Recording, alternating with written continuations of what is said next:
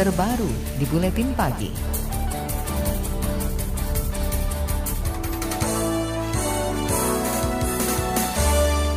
Pemerintah Kabupaten Banyuwangi, Jawa Timur meminta para petani di daerahnya beralih dari pupuk bersubsidi ke pupuk organik. Kepala Dinas Pertanian dan Perkebunan Banyuwangi, Arif Setiawan mengatakan, imbauan disampaikan karena dampak penurunan kuota pupuk bersubsidi. Ia menjelaskan, tahun ini jumlah pupuk bersubsidi dikurangi hingga 40 persen. Ketersediaan pupuk kita ini menurun, ya, karena memang ketentuan dari pusat masyarakat sudah bisa melakukan aktivitas pembuatan pupuk organik yang bisa mereka buat sendiri, baik itu cair maupun yang granul, termasuk pupuk hayati sudah bisa dibuat oleh masyarakat, sehingga eh, pusat juga memberikan harapan ya harapan bahwa dengan pupuk kimia itu tambah lama bisa dikurangi. Arif Setiawan juga merinci tahun ini persediaan pupuk jenis urea hanya berkisar 30 ribu ton, sementara tahun sebelumnya mencapai 60 ton. Kata dia, pupuk subsidi jenis lain seperti ZA, NPK juga mengalami penurunan kuota. Tak hanya Jawa Timur, pengurangan kuota pupuk bersubsidi terjadi juga di provinsi lain seperti Jawa Tengah, Jawa Barat, dan sejumlah wilayah di Sumatera.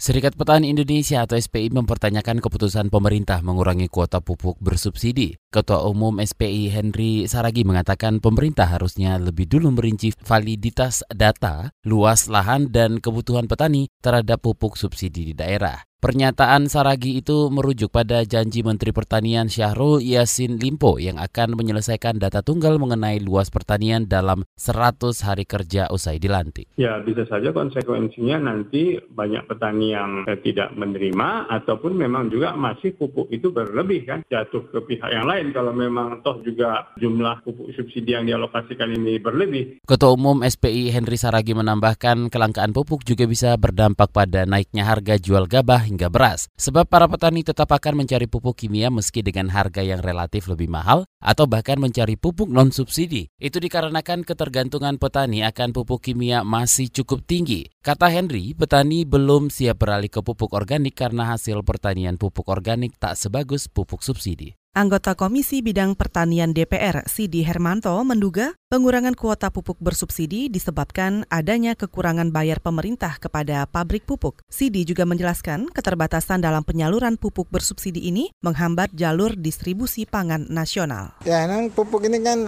ada problem ya terkait dengan juga kekurangan bayar. Nah, kita minta pemerintah supaya bisa mengatasi kekurangan bayar ini sehingga pabrik holding itu bisa lebih semangat untuk memenuhi target produksi. Nah, dalam kondisi yang seperti ini tentu kan holding itu tentu dia bekerja sesuai dengan malumlah namanya ini ada aspek bisnisnya juga kan bayar dulu dong ya kan nggak kalau nggak bayar ya kita ya segini aja mampunya gitu. Anggota Komisi Bidang Pertanian DPR Sidi Hermanto juga meminta pemerintah tidak membebani petani untuk membeli pupuk non subsidi. Menurutnya, petani saat ini sedang dihadapkan dengan sejumlah persoalan seperti ancaman gagal panen di musim penghujan. Kementerian Pertanian mengakui adanya penurunan kuota pupuk subsidi sekitar 9 persen. Direktur Jenderal Prasarana dan Sarana Pertanian PSP Kementerian Sarwo Edi menjelaskan, penurunan kuota pupuk disebabkan adanya penurunan anggaran pengadaan pupuk bersubsidi. Tak hanya anggaran, Edi juga mengatakan bahwa sejumlah persediaan pupuk disesuaikan dengan luas bahan baku sawah di Indonesia yang semakin berkurang. Lahan baku sawahnya turun, jadi kan ya dulu 7,7 juta hektar, sekarang menjadi 7,4 hektar. Secara anggaran itu memang berkurang dari 28 triliun di 2019 ke 26 triliun di 2020 ya. Sehingga volumenya pun berubah. 2019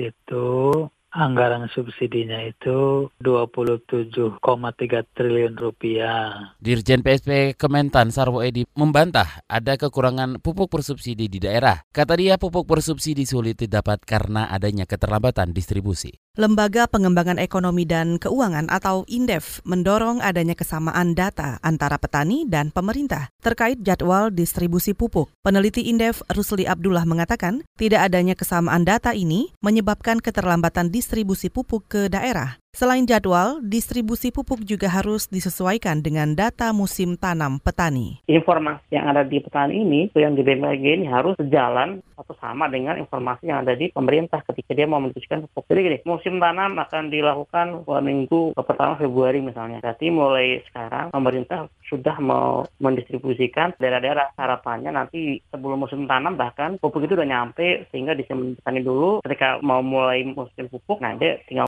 Peneliti Indef Rusli Abdullah juga menambahkan, jika petani memupuk tanaman melebihi waktu yang ditentukan, maka kualitas padi akan menurun. Sementara itu, jika petani memaksakan menggunakan pupuk tidak bersubsidi, maka akan menambah ongkos produksi.